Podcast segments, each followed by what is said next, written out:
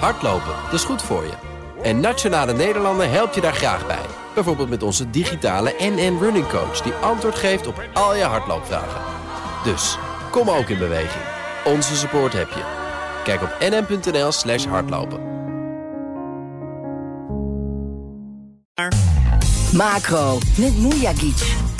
Het laatste macro-economische nieuws, toegelicht door Edin Mujagic. Edin, goedemiddag. Goedemiddag, Thomas. Het is de week van de centrale banken. Ik zou denken, de Fed, de ECB, Japan. Maar er zijn nog Maar meer smaken jij- in de wereld natuurlijk. ons op een heel ander Ja, rijtje. Natuurlijk, want eh, ehm, het was ook vorige week de week van- de centrale banken, Thomas. Ehm, omdat onder andere de centrale banken van eh, Canada en Australië... die hebben eh, hun rentevergaderingen gehad.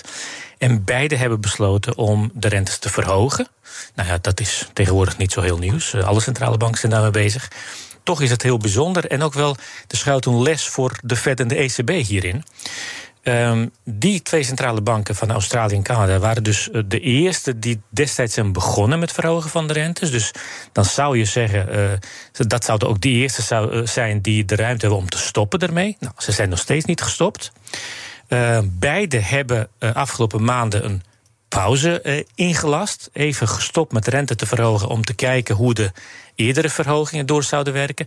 En komen nu dus na die pauze tot de conclusie. Het was onvoldoende en we moeten doorgaan.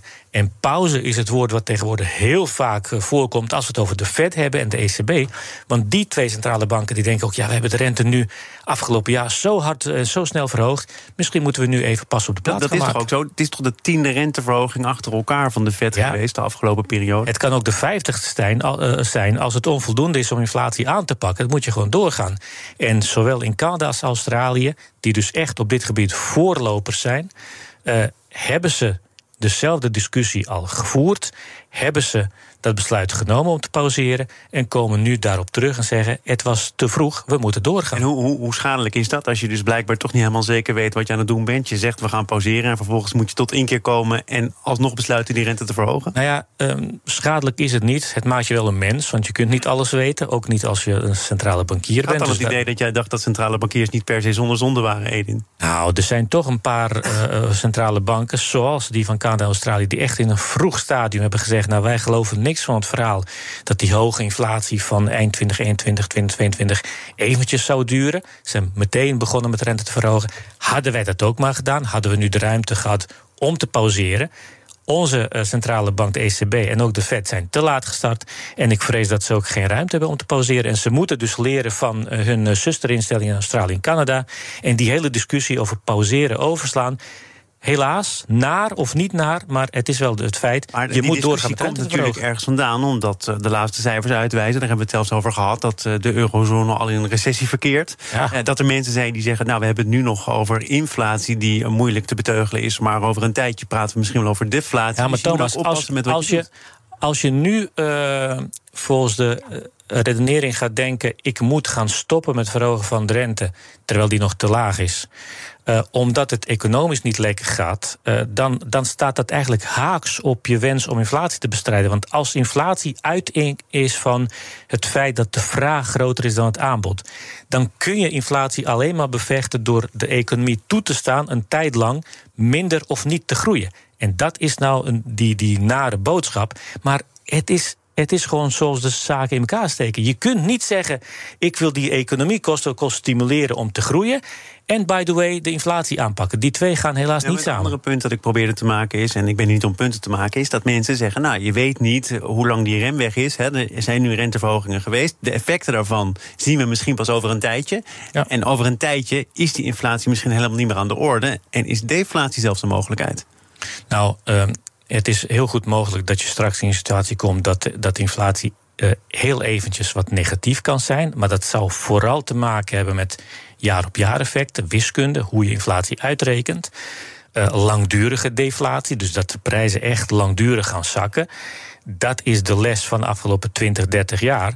Dat is zo ongeveer het ergste wat een centrale bankier vindt dat hem of haar kan overkomen. En dat gaan ze kosten wat kost voorkomen, Thomas. In China, daar hangt de vlag er heel anders bij. Niet alle centrale banken zijn rentes aan het verhogen. De Chinese centrale bank heeft de rente vandaag verlaagd. Het gaat om, uh, om, om, om, om rente op leningen op, met de looptijd van zeven dagen. Ja, en dat is toch opmerkelijk. Uh, al is het maar omdat anderen bezig zijn met rente te verhogen... en China dus met verlagen. Maar het geeft dus ook aan dat het met die Chinese economie gewoon niet lekker gaat. Waar iedereen de hoop had na drie jaar op slot te zijn geweest, gaat alles open en gaat die economie opveren met alle gunstige bijeffecten daarvan voor de rest van de wereld. Het wil maar niet lukken. Het gaat heel stroef dat de Chinese centrale bank deze rente verhoogt. En uh, men gaat ervan uit dat uh, als we het later deze week over de eenjarige rente hebben, dat ze die ook gaan verlagen. Dat is nogal wat, want die Chinese centrale bank maakt er geen gewoonte van om de rentes te, uh, heel snel te verlagen. Om, um, om, om even aan te geven hoe stroef dat gaat.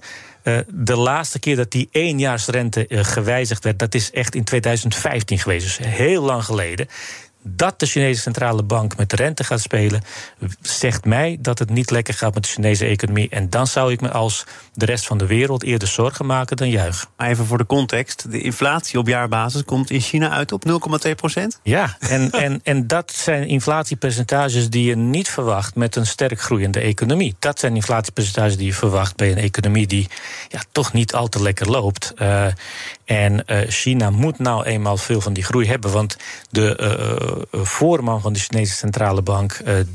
Ik heb ooit voorrecht gehad om bij een conferentie een Chinese econoom te spreken. we zaten met z'n twee kopje, kopje koffie te drinken. En die vertelde tegen mij toen: als onze economische groei noemenswaardig onder 6% uitkomt, hebben wij een probleem. Want dan kan de werkloosheid gaan oplopen. En dat zou tot sociale onrusten kunnen leiden in zo'n land. Uh, die econoom die ik toen gesproken heb, heet Yi Gang. En dat is nu de baas van de Chinese Centrale Bank. En die gaat nu uit van 5%. En die gaat nu uit van 5%. Dus ik moet dan altijd terugdenken aan ons gesprek van destijds. Denk van, die man gaat nog wel even door met het stimuleren van de economie. Want hij weet wat er op op het spel staat anders. Edin, dankjewel. Tot morgen. Tot morgen, Thomas. Business Booster. Hey ondernemer, KPN heeft nu Business Boosters. Deals die jouw bedrijf echt vooruit helpen. Zoals nu, zakelijk tv en internet, inclusief narrowcasting... de eerste 9 maanden voor maar 30 euro per maand. Beleef het EK samen met je klanten in de hoogste kwaliteit.